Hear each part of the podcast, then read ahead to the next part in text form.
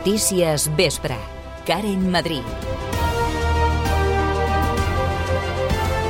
Resolts els problemes d'abastiment d'aigua derivats de la rebentada d'una de les canonades principals de la ciutat. La incidència s'ha resolt aquest migdia, però s'ha obert una investigació per aclarir-ne la causa. Júlia Ramon, bona tarda. Bona tarda, Karen. La canonada situada entre els carrers Budapest i Adriana de Can Llong ha rebentat aquesta matinada. Arran d'aquesta incidència hi ha hagut problemes de pressió i abastiment en tota la ciutat. El director d'Aigües Sabadell, Xavier Cabanillas, apunta com s'ha actuat. Hem fet una intervenció molt ràpida, hem desplegat més d'un equip de més de 20 persones, eh, molt ben coordinat amb l'Ajuntament i Aigua Sabadell, i des de primera hora hem treballat amb dues, amb dues línies. La primera és la reparació pròpia de l'avaria, però la segona és la, minimi, la minimització d'aquesta afectació que hi havia distribuïda per, per tot el municipi. Des de la crida han denunciat que l'Ajuntament no hi hagi buscat una solució immediata, mentre que des del consistori insisteixen que s'ha actuat amb tota la celeritat possible. Netflix incorpora al seu catàleg un nou títol amb el sabadellenc Pep Ambrós en el repartiment. Ambrós interpreta un mosso d'esquadra en la sèrie Quin és Erin Carter, que s'estrena avui. La producció britànica rodada a Barcelona compta amb un elevat pressupost i nombroses escenes d'acció.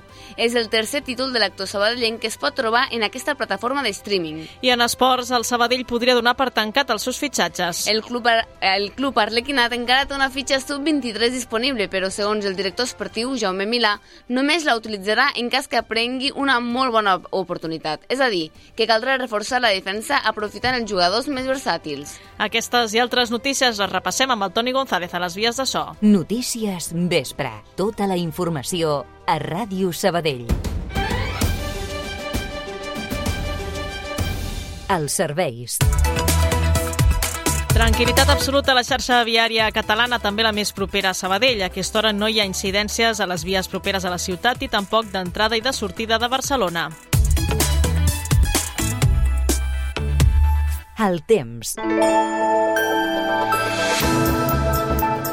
Les temperatures segueixen pujant, 36 graus ara mateix a Sabadell, 2 graus més que hi ha a aquesta hora. Què hem d'esperar de cara a les pròximes hores? Li preguntem a l'Ariadna Coromines. Bona tarda. Bona tarda. Els termòmetres a moltes viles de la costa i del prelitoral no s'han enfilat tant com ahir. Malgrat tot, fa moltíssima calor arreu del país amb valors que han superat de llarg els 32 i 34 graus a tocar del mar, els 36 i 38 graus a moltes viles de l'interior i, novament, els 40 els hem assolit a Ponent i en algun indret de la Catalunya central, en conjunt acompanyat de molta calma arreu del país, amb domini del sol però amb nuvolades que semblen de cotó fluix al Pirineu i Prepirineu amb xàfecs a la banda francesa i també al Principat d'Andorra entre Arinsal i Pal.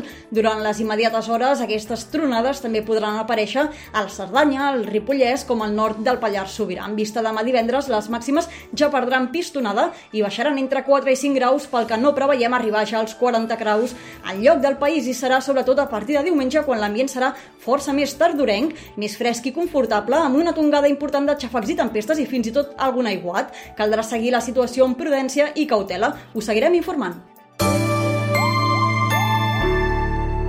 L'avaria que ha deixat sense subministrament bona part de la ciutat s'ha restablert abans del previst.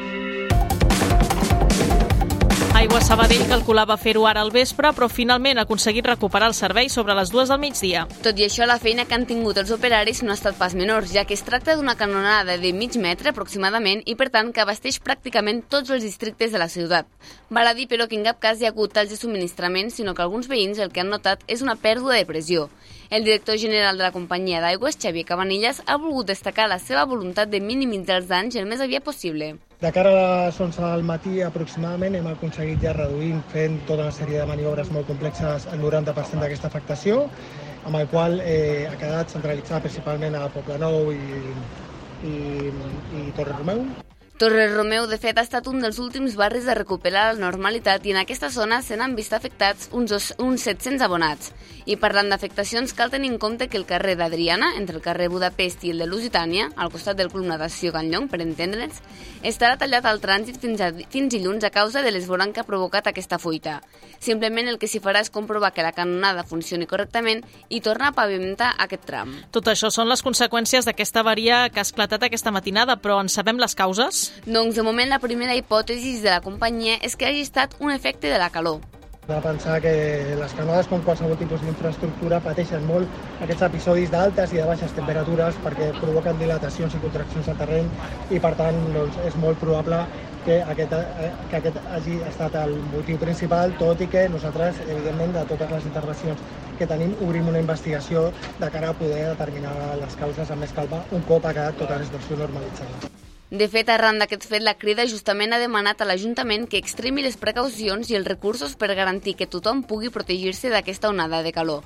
La tinenta d'alcaldessa d'Espai Urbà i Acció Territorial, Marmolina, ha etiquetat la varia de fortuïta i ha recordat que aquesta canonada estava en procés de reparació. Ara mateix, doncs, el que queda és que el servei de neteja deixi nets tots els entorns adjacents al carrer Adriana. Ràdio Sabadell. Notícies Vespre. Complicada. Així veu la portaveu del Partit Popular Cuca Santos la hipotètica investidura d'Alberto Núñez Feijó com a nou president del govern espanyol. Tot i que només li falten quatre vots per assolir la majoria absoluta, la sabadellenca considera que no serà gens fàcil aconseguir-los. Santos ha aplat al Partit Nacionalista Basc, una formació que ja ha donat suport als populars en altres ocasions, i la portaveu del grup municipal popular opina que seria més lògic que el PSOE facilités la investidura de Núñez Feijó com a líder de la formació que va guanyar les eleccions el 23 de lo lógico sería que el señor Sánchez recapacitase, se sentase con el señor Fijo y facilitase una, un gobierno del Partido Popular en solitario. Precisament avui els socialistes han exigit al Partit Popular que no cridi al transfugisme per assolir els 176 vots a favor de Feijó i l'ha instat a no demanar el suport als diputats del PSOE més crítics amb les polítiques de Sánchez. Cuca Santos també ha assenyalat que el pitjor escenari possible és el de la repetició electoral i ha insistit que no es pot fer votar els ciutadans cada tres mesos perquè els polítics siguin incapaços de posar-se d'acord. Torna a escoltar aquest informatiu a radiosabadell.fm. L'Eix Macià estarà tallat a partir de dilluns a les 8 del matí i és que comença a instal·lar-s'hi tot el que fa falta per la festa major. També reforça el transport públic durant les nits del 31 d'agost al 4 de setembre, quan hi haurà busos i trens ininterromputs. El tall a l'avinguda de Francesc Macià serà des de la plaça Catalunya fins al carrer de Lluís Companys i s'allargarà fins el dimarts 5 a les 6 de la tarda. En canvi, el tram fins a la plaça Concòrdia començarà el dimarts 29 d'agost a les 3 del migdia. L'eix central des de la via Massaguer fins a Rambla amb Gran Via no es tallarà fins el divendres dia 1, després de dinar. Tampoc es podrà circular per la carretera de Prats entre Francesc Lairet i Lluís Carreras ni per l'Avinguda 11 de setembre entre Sant Isidre i Vilaquesinca. Marmolina, l'alcaldessa accidental, diu que les mesures han pres a favor del gaudi de tothom. Tothom vol gaudir de, dels dies de, de festa major a carrers i, i a places de la nostra ciutat i hem pres mesures perquè el fet que algunes vies estiguin tallades al trànsit no afecti a aquesta mobilitat. És per això que recomanem fer servir el transport públic, tant amb superfície com als ferrocarrils de la Generalitat de Catalunya, o, o fer desplaçament a peu per evitar molèsties a l'hora d'arribar als diferents espais de, de la nostra festa major. Ferrocarrils de la Generalitat donarà servei a la línia S2, la que acaba a Sabadell, durant 5 nits consecutives. El reforç de trens consistirà en una freqüència de pas d'un tren per hora i sentit durant tota la nit. El bus nocturn gratuït comptarà amb línies urbanes N1 i N4 i les línies interurbanes N61, N64 i N65, així com la B1 i la B2 per enllaçar amb Badia i Repollet passant per Barberà del Vallès. L'objectiu de tot això és incrementar aquest tipus de mobilitat. La nova llibreria Mala Peça obrirà les seves portes al mes d'octubre. Aquest nou comerç, que s'erigeix com una llibreria de pensament crític, estarà ubicat al carrer Doctor Puig número 14, al mateix local on s'hi ha instal·lat la cooperativa homònima. Per tal de tirar endavant el projecte, però, necessiten aconseguir els 20.000 euros que necessiten per la llibreria. Amb aquest objectiu en ment, han iniciat els anomenats títols participatius, que és un participant de la cooperativa explica ben bé en què consisteixen. Com funciona?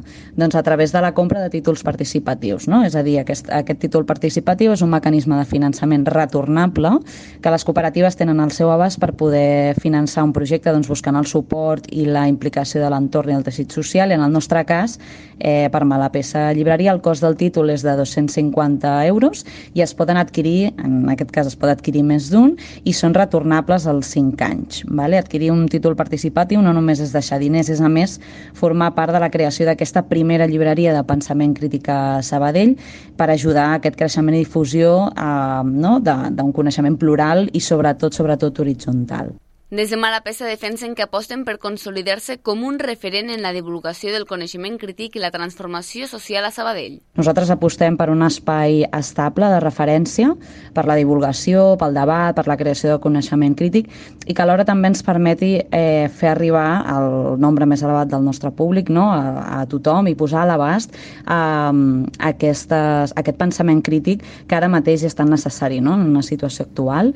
De fet, aquest nou espai neix de la ja desapareguda llibreria Macondo de qui ha mantingut l'esperit i també el personal. Malapesa Llibreria és, en realitat, bueno, eh, prové de la llibreria Macondo, no? que va ser una referència cultural i literària a la ciutat de Sabadell i que va anunciar el seu tancament definitiu el dia 15 de juny d'aquest any i a partir doncs, d'aquest doncs, mes d'octubre amb tota la comunitat de Macondo s'instal·larà a Malapesa Llibreria Eh, de fet, s'instal·larà al Pol Cooperatiu Malapesa, que és un espai de pensament crític situat al carrer Doctor Puig, número 14. Tothom que vulgui participar en aquesta campanya de títols participatius ho pot fer a través del web de Malapesa. L'actor sabadellenc Pep Ambrós estrena avui una nova sèrie a Netflix, Qui és Erin Carter. En aquesta producció britànica rodada a Barcelona, Ambrós es posa la pell de l'Emilio, un inspector dels Mossos d'Esquadra que tindrà un paper clau en la història. Així ho ha apuntat aquesta emissora. El meu personatge, l'Emilio, també té eh, alguns problemes eh, amb una màfia que l'està coaccionant um, perquè estan reclamant um, per, per culpa d'uns problemes amb, amb el joc que té el meu personatge, li estan reclamant informació policial i en el moment en què ell descobreix que la, la Erin també té problemes, li ofereix un intercanvi i li ofereix ajudar-la a gestionar mm, tot el, seu, tot el seu problema amb el passat a canvi de que ella l'ajudi a, a solucionar el seu problema amb el present. és Erin Carter és una producció d'acció amb molts recursos. Ambrose acaba després de fer una prova amb una directora de càsting irlandesa resident a Barcelona i aconseguir el paper ha estat tot un regal malgrat no tenir excusa per viatjar a Londres. M'hagués encantat tenir l'excusa de, de, de tenir aquest projecte a Londres per poder estar viscant a Londres mig any, que és una ciutat que adoro i que visito moltíssimes vegades durant l'any però al mateix temps també va ser fantàstic poder, poder estar a una sèrie d'aquest nivell amb, aquesta, amb aquest pressupost um, en, a, a casa. No? Vull dir que crec que està molt bé també que projectes amb, amb tanta projecció internacional i projectes amb, amb uns pressupostos que aquí a Espanya no toquem, eh, els puguem disfrutar també com a actors eh, a casa nostra. El rodatge ha deixat moments de, de tot, però l'actor sabadellenc destaca l'exigència de les escenes d'acció. Un rodatge molt intens, eh, sí que van haver horaris extrems, van haver-hi molts dies de nit, rodar de nit és molt cansat, eh, i hi ha una part, hi ha com un doble fil no? amb, amb el rodatge d'aquesta sèrie, hi ha molta acció, eh, i la veritat és que rodar acció és molt divertit però també és molt esgotat perquè així com la gent veu una seqüència en la qual hi ha un cotxe que fa una persecució i de cop eh, m'estrenca una part del carrer, eh, eh, mobiliari urbà, eh, hi ha un tiroteig, etc etc. Eh, a la pel·li d'acció es veu d'una manera, però rodar això és molt cansat perquè s'ha de repetir molt i que per repetir hi ha molta feina perquè s'ha de tornar a col·locar tot com estava abans. Després de Quién es Erin Carter, Ambrose estrenarà d'aquí a dues setmanes El cuerpo en llamas, una sèrie també de Netflix sobre el crim de la Guàrdia Urbana de Barcelona. Se suma a dos projectes més que l'actor sabadellenc ha fet amb la plataforma de streaming, la sèrie H i la pel·lícula El Olivo.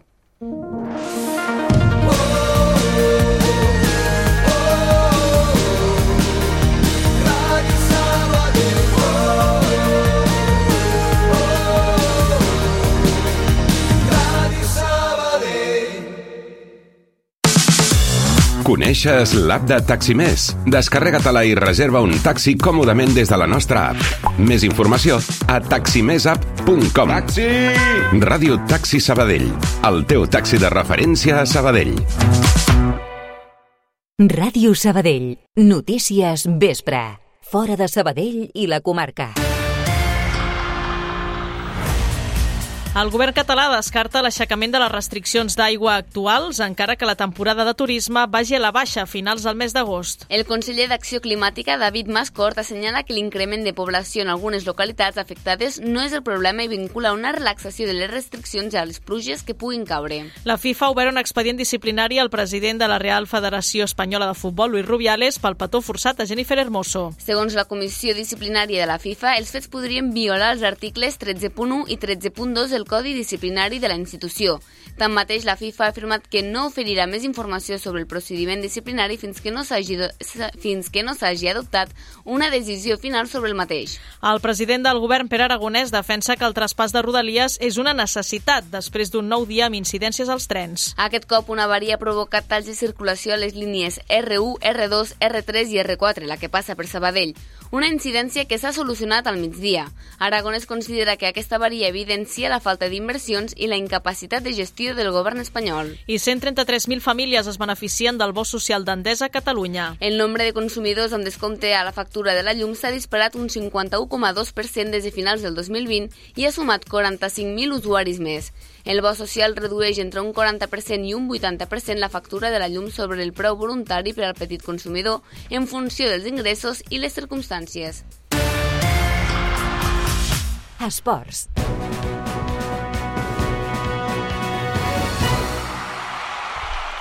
El centre d'esports podria no fer cap moviment més en el mercat de fitxatges. Oriol Ferran, bona tarda. Bona tarda, Karen. Hi ha una fitxa sub-23 disponible, però el director esportiu del club, Jaume Milà, ha dit que només la cobrirà si es posa en safata una bona oportunitat. Recordem que el tècnic Miqui Lledó ja ha dit en els últims dies que veu la necessitat de tenir alguna peça més a la defensa, però Milà ha insistit que hi ha jugadors versàtils que poden ocupar diverses posicions. El director esportiu tampoc ha volgut obrir la carpeta de les renovacions. Hem de valorar totes les situacions individualment, eh, i començar, començar a treballar en aquesta línia, sempre entenent què és el que es pot fer i el que no, en funció de, de, de la capacitat que tingui el club no? i de lo que vulguin també els jugadors. Jo crec que la funció de director esportiu ara és avaluar sobretot que l'equip funcioni, avaluar que la línia de treball sigui bona, avaluar que els jugadors estiguin al nivell que han d'estar per poder competir i paral·lelament a això, òbviament, pensar també en el mig plaç i, i juntament amb el Bruno doncs, valorar la situació de cada jugador. Tot plegat en el marc de les presentacions dels últims reforços, Marcos Paselga i Toni Herrero. Davant el, tant el davanter com el carrer Escarrà ja han tingut minuts durant la pretemporada. El año pasado en términos de, de, números, pues sí que es verdad que fue, fue muy bueno. Hacer 12 goles en, en el último equipo de, de la liga no, no es fácil. Eh, es cierto que eso pues, me ha servido para renovar un año más con el, con el Zaragoza y para tener propuestas importantes de, de equipos este año. Eh, y bueno, al final hemos eh, decidido venir aquí pues un poco también en base a, a la confianza de, de, Bruno de Jauma y, y, del proyecto que bien decía Tony que, que, me parece que es muy bueno este año. Había muchas ofertas, pero bueno, el, el proyecto como, como os he dicho es, es muy bueno, con mucha, con mucha ambición para este año, con mucha ilusión y por eso me, me decanté por, por el Centre Esportiu Sabadell. En el terreny social s'ha anunciat un acord entre el Centre d'Esports i 10 clubs més del grup 1 de la primera federació per fixar els preus de les entrades visitants. 15 euros és la xifra establerta entre el conjunt arlequinat, la Cultural Leonesa, el Deportivo, la S de Logroñés, el Nàstic de Tarragona, Osasuna Promeses, el Rayo Majadahonda, el Sestao River, el Teruel, Unionistes i el Real Unión. Bruno Batlle és el director general arlequinat. De fet, hem set un dels clubs que ho hem, ho hem liderat, o diria que ho hem liderat des d'un inici, amb, amb l'Albert Ramos, creiem que, que és molt bo doncs, que no només l'afició del Sabadell, sinó que les aficions de tots els equips eh, puguin anar a visitar altres camps. Ja fem un esforç doncs, amb tot el que és el desplaçament, que les entrades puguin ser com a màxim 10 eu 15 euros, perdó, doncs, doncs és una bona notícia i això no treu que potser en algun club pot, podem arribar a un acord fins i tot millor. La mesura s'aplica ja per l'estrena d'aquest diumenge a dos quarts de nou al camp del Real Unión, que, com el centre d'esports, ha renovat mig equip i en el seu cas també presenta una nova figura a la banqueta, Fran Justo.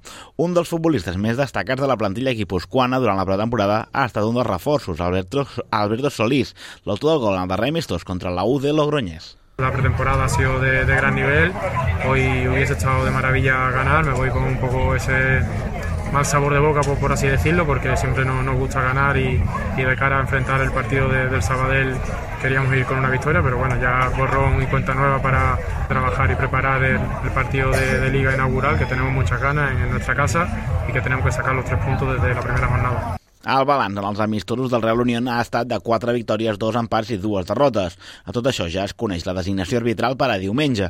El col·legiat aragonès Alonso de Ena Wolf, amb qui el Sabell no ha perdut en 4 precedents, dirigirà l'enfrontament. I tanquem el bloc de futbol amb els resultats dels diversos partits amistosos dels equips sabadellencs disputats ahir. El filial del centre d'esports va empatar a dos contra el Martorell de primera catalana, una categoria més avall que la Lliga Elite, on jugaran aquest any els del Conra Garcia. Per la seva banda, també van disputar partits de preparació els dos juvenils de divisió d'honor. El del centre d'esports va caure per 0-1 al camp del Badalona, mentre que el Mercantil es va imposar al Figueres de la Lliga Nacional per 3-0. En vòlei platja, el sabadellenc Sergi Ranyer disputarà aquest cap de setmana la prova final del circuit català Badalona. El jugador i entrenador de la secció de vòlei platja del Natació Sabadell, junt amb la seva parella a la sorra, Òscar Jiménez, arriben a la final del Vichy català en vòlei tour com a favorits per pujar al graó més alt del podi després d'haver guanyat les tres proves prèvies en les que han participat.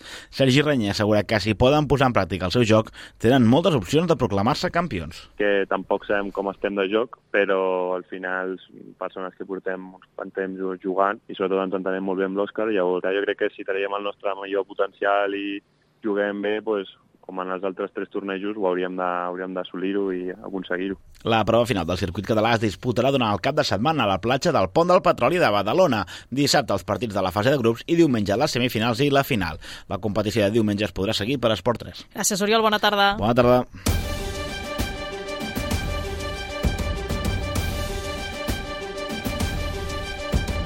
9 minuts per dos quarts de vuit. Tanquem el Notícies Vespre d'aquest dijous 24 d'agost, recordant-vos que tot el que us hem explicat ho podeu trobar a radiosabadell.fm. Tornem amb més notícies demà a partir de les 10 amb els butlletins horaris. Que acabeu de passar un bon dia. Adéu-siau.